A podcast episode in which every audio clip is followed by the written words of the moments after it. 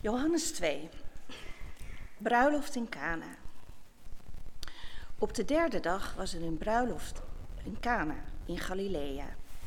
De moeder van Jezus was er en ook Jezus en zijn leerlingen waren op de bruiloft uitgenodigd. Toen de wijn bijna op was, zei de moeder van Jezus tegen hem: Ze hebben geen wijn meer. Wat wilt u van mij? zei Jezus. Mijn tijd is nog niet gekomen. Daarop sprak zijn moeder de bediende aan. Doe maar wat hij jullie zegt, wat het ook is. Nu stonden daar voor het Joodse reinigingsritueel zes stenen watervaten, elk met een inhoud van twee à drie metreten. Jezus zei tegen de bediende: Vul de vaten met water. Ze vulden ze tot de rand.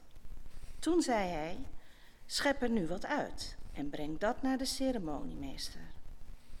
Dat deden ze. En toen de ceremoniemeester het water, dat wijn geworden was, proefde, hij wist niet waar hij vandaan kwam, maar de bedienden die het water geschept hadden, wisten het wel. Riep hij de bruidegom en zei tegen hem: Iedereen zet zijn gasten eerst de goede wijn voor, en als ze dronken zijn, de minder goede. Maar u hebt de beste wijn tot nu bewaard. Dit heeft Jezus in Cana in Galilea gedaan als eerste wonderteken. Hij toonde zo zijn grootheid en zijn leerlingen geloofden in hem.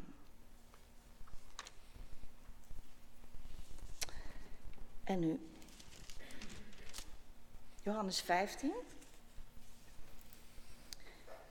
Ik ben de ware wijnstok en mijn vader is de wijnbouwer. Iedere rank aan mij die geen vrucht draagt, snijdt hij weg. En iedere rank die wel vrucht draait, draagt, snoeit hij bij, opdat hij meer vruchten draagt. Jullie zijn al rein door alles wat ik tegen jullie gezegd heb. Blijf in mij, dan blijf ik in jullie. Een rank die niet aan de wijnstok blijft, kan uit zichzelf geen vrucht dragen. Zo kunnen jullie geen vrucht dragen als jullie niet in mij blijven. Ik ben de wijnstok en jullie zijn de ranken. Als iemand in mij blijft en ik in hem, zal hij veel vrucht dragen. Maar zonder mij kun je niets doen. En dan vers 8. De grootheid van mijn vader zal zichtbaar worden wanneer jullie veel vrucht dragen en mijn leerlingen zijn. Gemeente van onze Heer Jezus, het gaat in die bruiloft in Cana niet om een ongekend mirakel. Dan zijn we te zeer gefocust op wat daar gebeurde. Natuurlijk, het is een bovennatuurlijk wonder, maar het gaat om meer dan een bruidspaar op een goedkope manier aan een aantal honderden liters wijn te helpen. We moeten verder kijken en vooral ook dieper. Het gaat hier om de grootheid of de heerlijkheid, de doxa staat er in het Grieks, van God.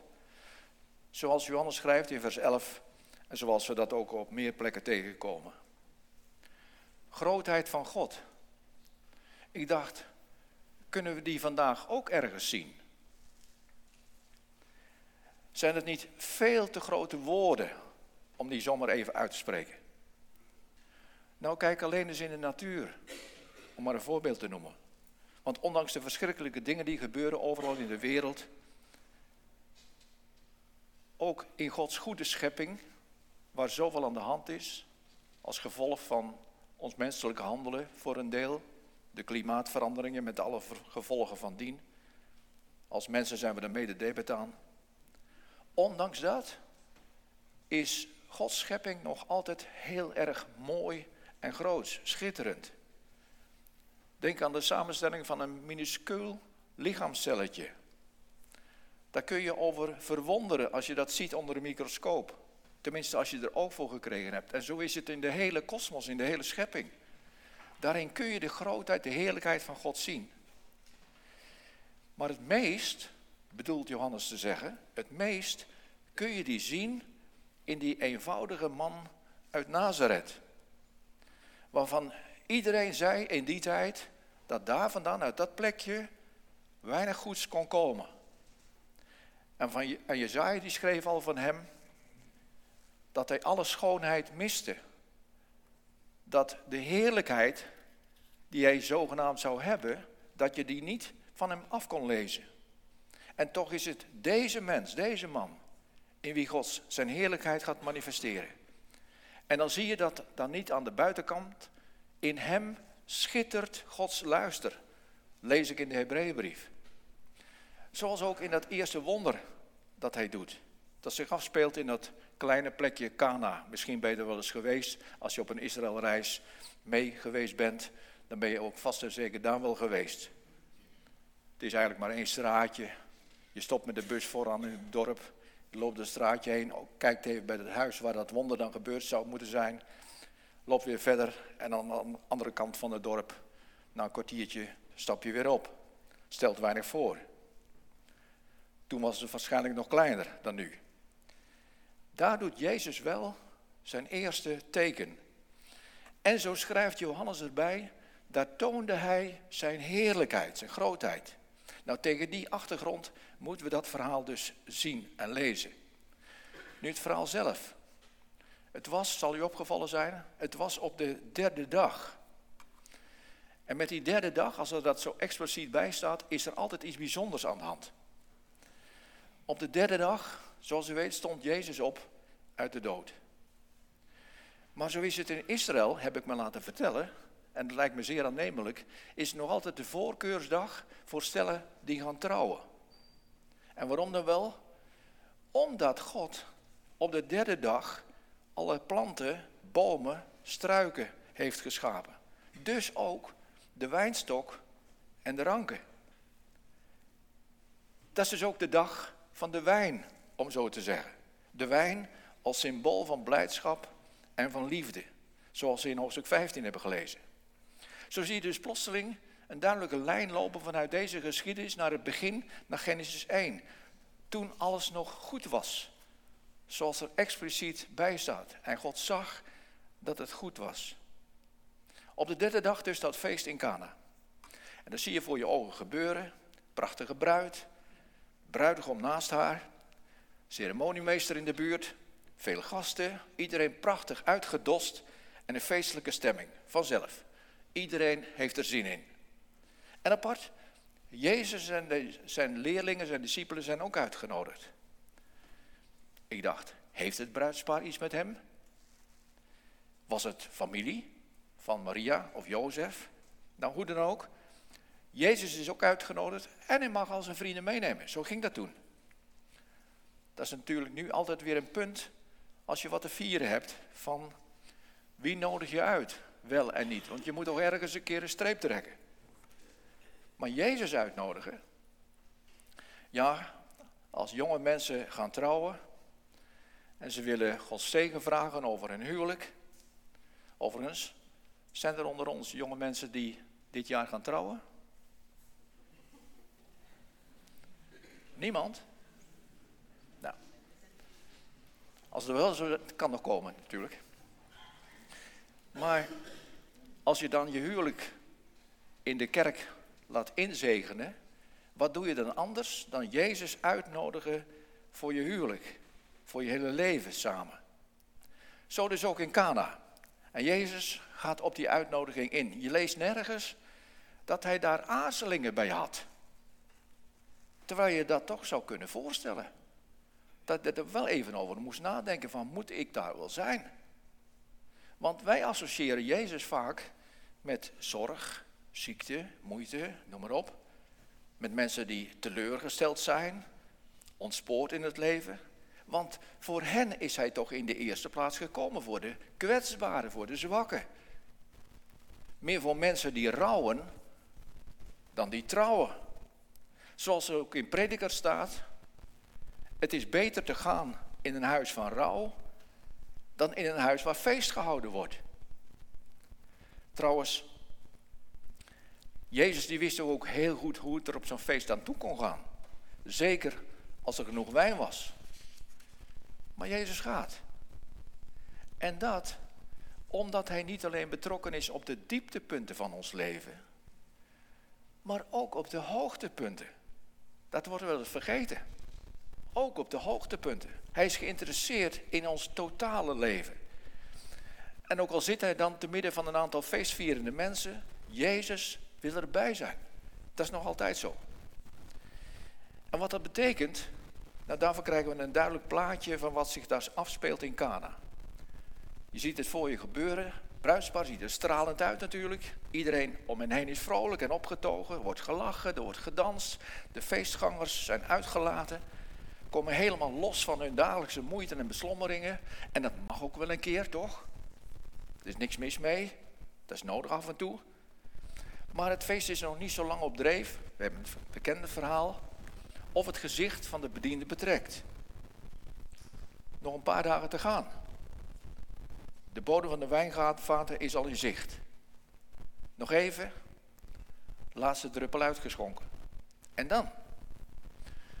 Ja, dan hebben niet zij alleen een probleem. Maar nog veel meer het bruidspaar natuurlijk. Want dan is het ook met de vrolijkheid en met het feest gedaan. Dan moet je je voorstellen dat je dat als bruidspaar overkomt, zeg. Nou, dat zal je vandaag niet zo gauw overkomen. Trouwens, dan is het ook niet jouw probleem, maar van de manager van de locatie die je hebt afgehuurd. Toch gebeurt het wel, en ik hoop dat het een sprongetje met mij mee kunt maken. Toch gebeurt het wel dat de wijn op is. Maar dan in je leven. Snap je?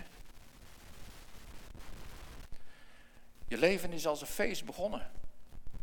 Je bent jong, je hebt er zin in.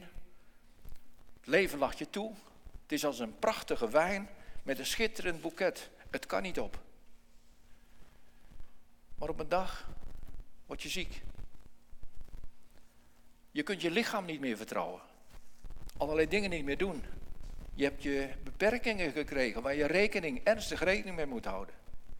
Met het gevolg dat de wijn opraakt. Voel je? En de blijdschap langzaam maar zeker verdwijnt.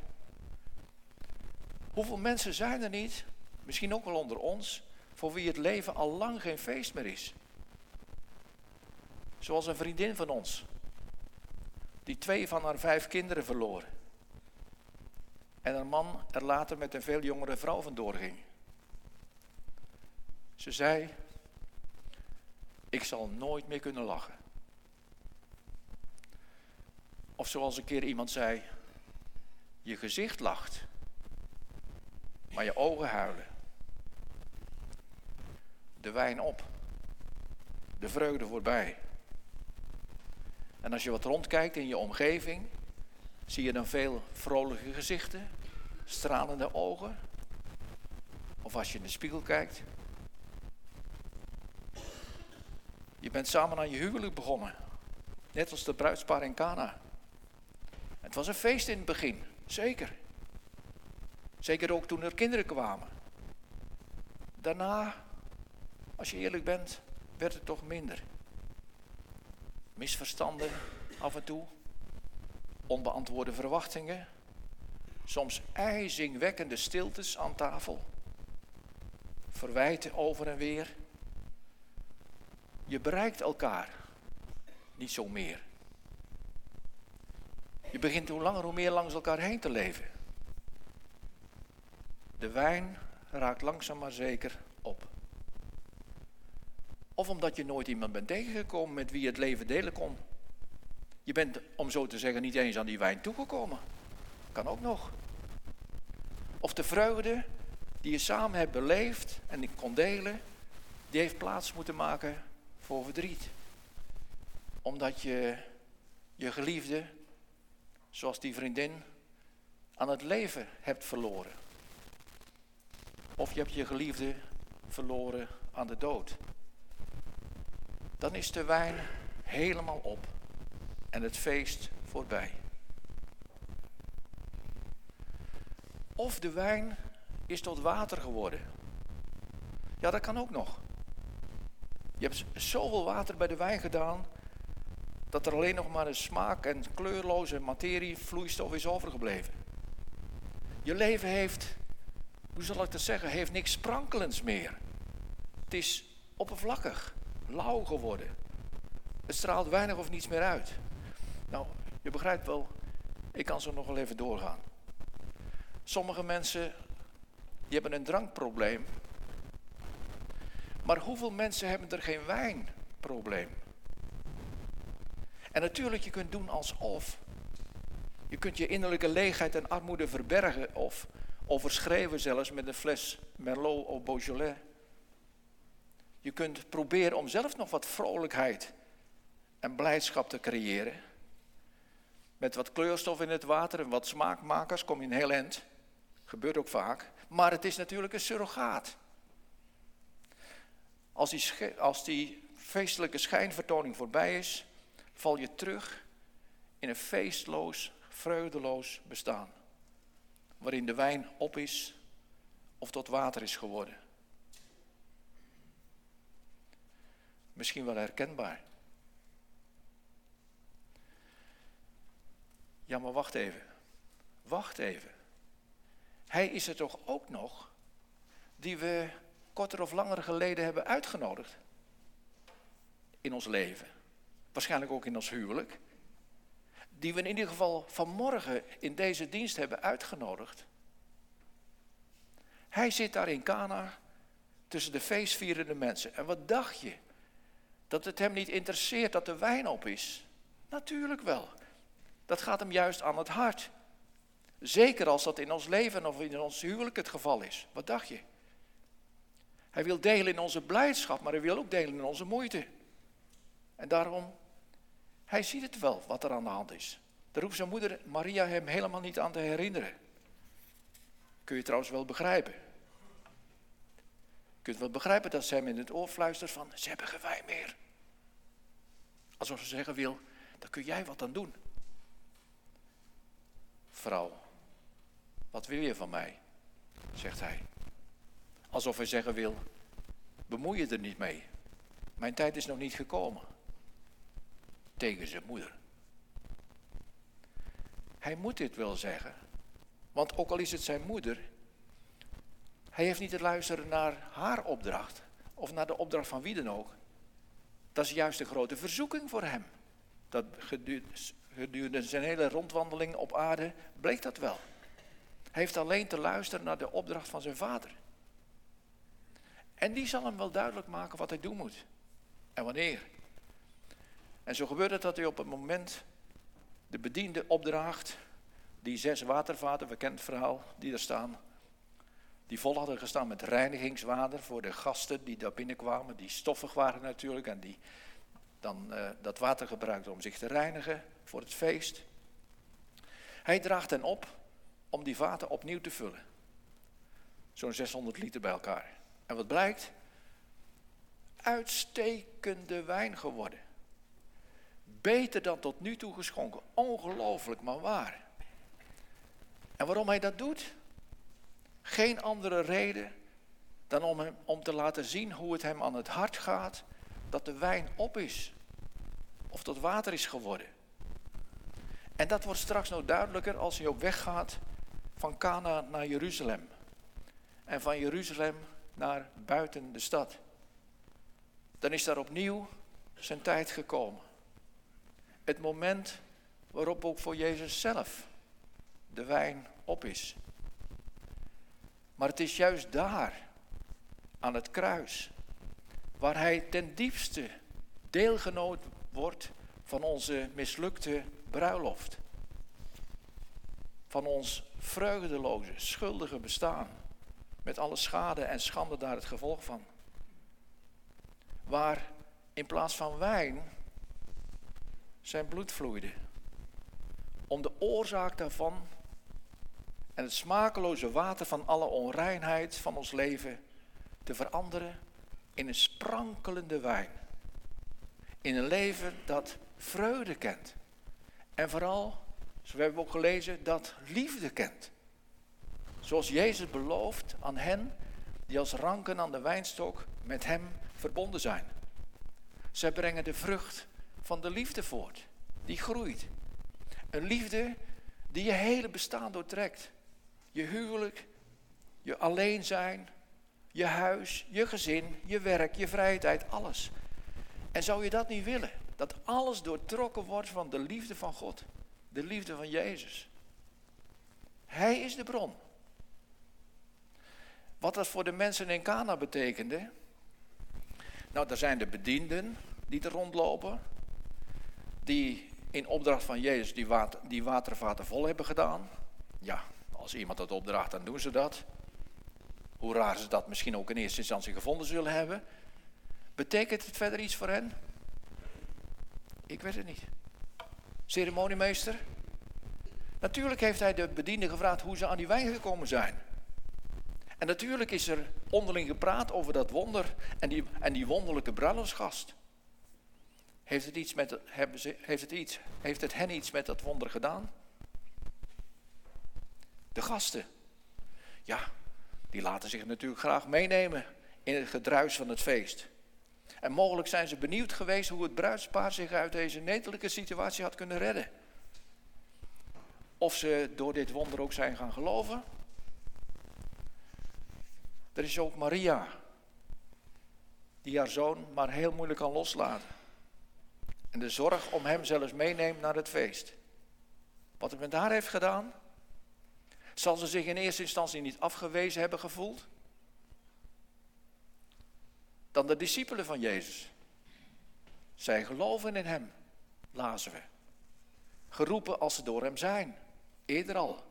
En door dit wonder worden ze bevestigd in dat geloof. Nu weten ze zeker dat ze Jezus willen volgen.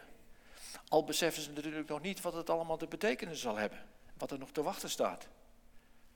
En het bruidspaar dan? Dan zou je toch denken, ook van hen lees je niks. Hebben zich niet bij Jezus laten brengen om hem te bedanken? Dat zou toch het minste zijn geweest, zou ik denken. Maar in hem geloven? Kijk, dat is voor ons vanmorgen de vraag. Geloven we dat Jezus, laat het even binnenkomen, geloven we dat Jezus niet alleen toen, maar ook vandaag ons leven wil veranderen in een sprankelende, hartverwarmende wijn van Gods liefde en blijdschap. Dat Hij ons wil veranderen in een leven waarin Hij verheerlijkt wordt, groot gemaakt, net als toen. Nou, zonder Hem zal dat niet gebeuren. Dat is een ding dat zeker is. Zonder Hem in je leven is de kans niet denkbeeldig dat de wijn op een zeker moment opraakt. Verandert in smakeloos, kleurloos water. Net als van zoveel. Maar met Hem, met Jezus, en daarom kan ik Hem zo aanbevelen en aanprijzen, met Hem wordt je leven sprankelend van liefde en blijdschap. Een feest. Pardon. Een feest, zeg je. Dat hoor ik mijzelf zeggen. Ik haast me dan ook om te zeggen dat de feestvreugde soms aardig overschaduwd kan worden door datgene wat je meemaakt of hebt meegemaakt. Maar ook al is het dan misschien een ingehouden vreugde, is het een blijdschap door tranen heen. Kan. Maar met Jezus zullen we door de diepste dalen heen komen en zal de wijn ondanks alles blijven stromen. Tot het ogenblik dat de bruiloft aanbreekt die Jezus zijn discipelen in het vooruitzicht heeft gesteld. Die hem zijn gevolgd. Zij worden, of beter, zij zijn door hem uitgenodigd voor die grote bruiloft waar we op wachten in het koninkrijk van God. Wanneer hij als de bruidegom en zijn gemeente, wij als de bruid voor altijd en eeuwig met hem verbonden zullen zijn. Dan zal de wijn blijven stromen. Dan zal de vreugde voor altijd blijven. Door niets en door niemand meer kunnen worden getemperd. Laat staan te niet gedaan. En niet minder de liefde. Zo blijven dan, schrijft Paulus in 1 Corinthië 13, zo blijven dan geloof, hoop en liefde. Maar de meeste, dus de liefde, die blijft. Dan zal het altijd feest zijn. Dan zullen wij de heerlijkheid van God zien. En bovendien, dan zullen we in die heerlijkheid ook delen. Dat heeft hij zelf beloofd. En in de verwachting van die bruiloft mogen we ook nu al aan het avondmaal de wijn van Gods liefde proeven.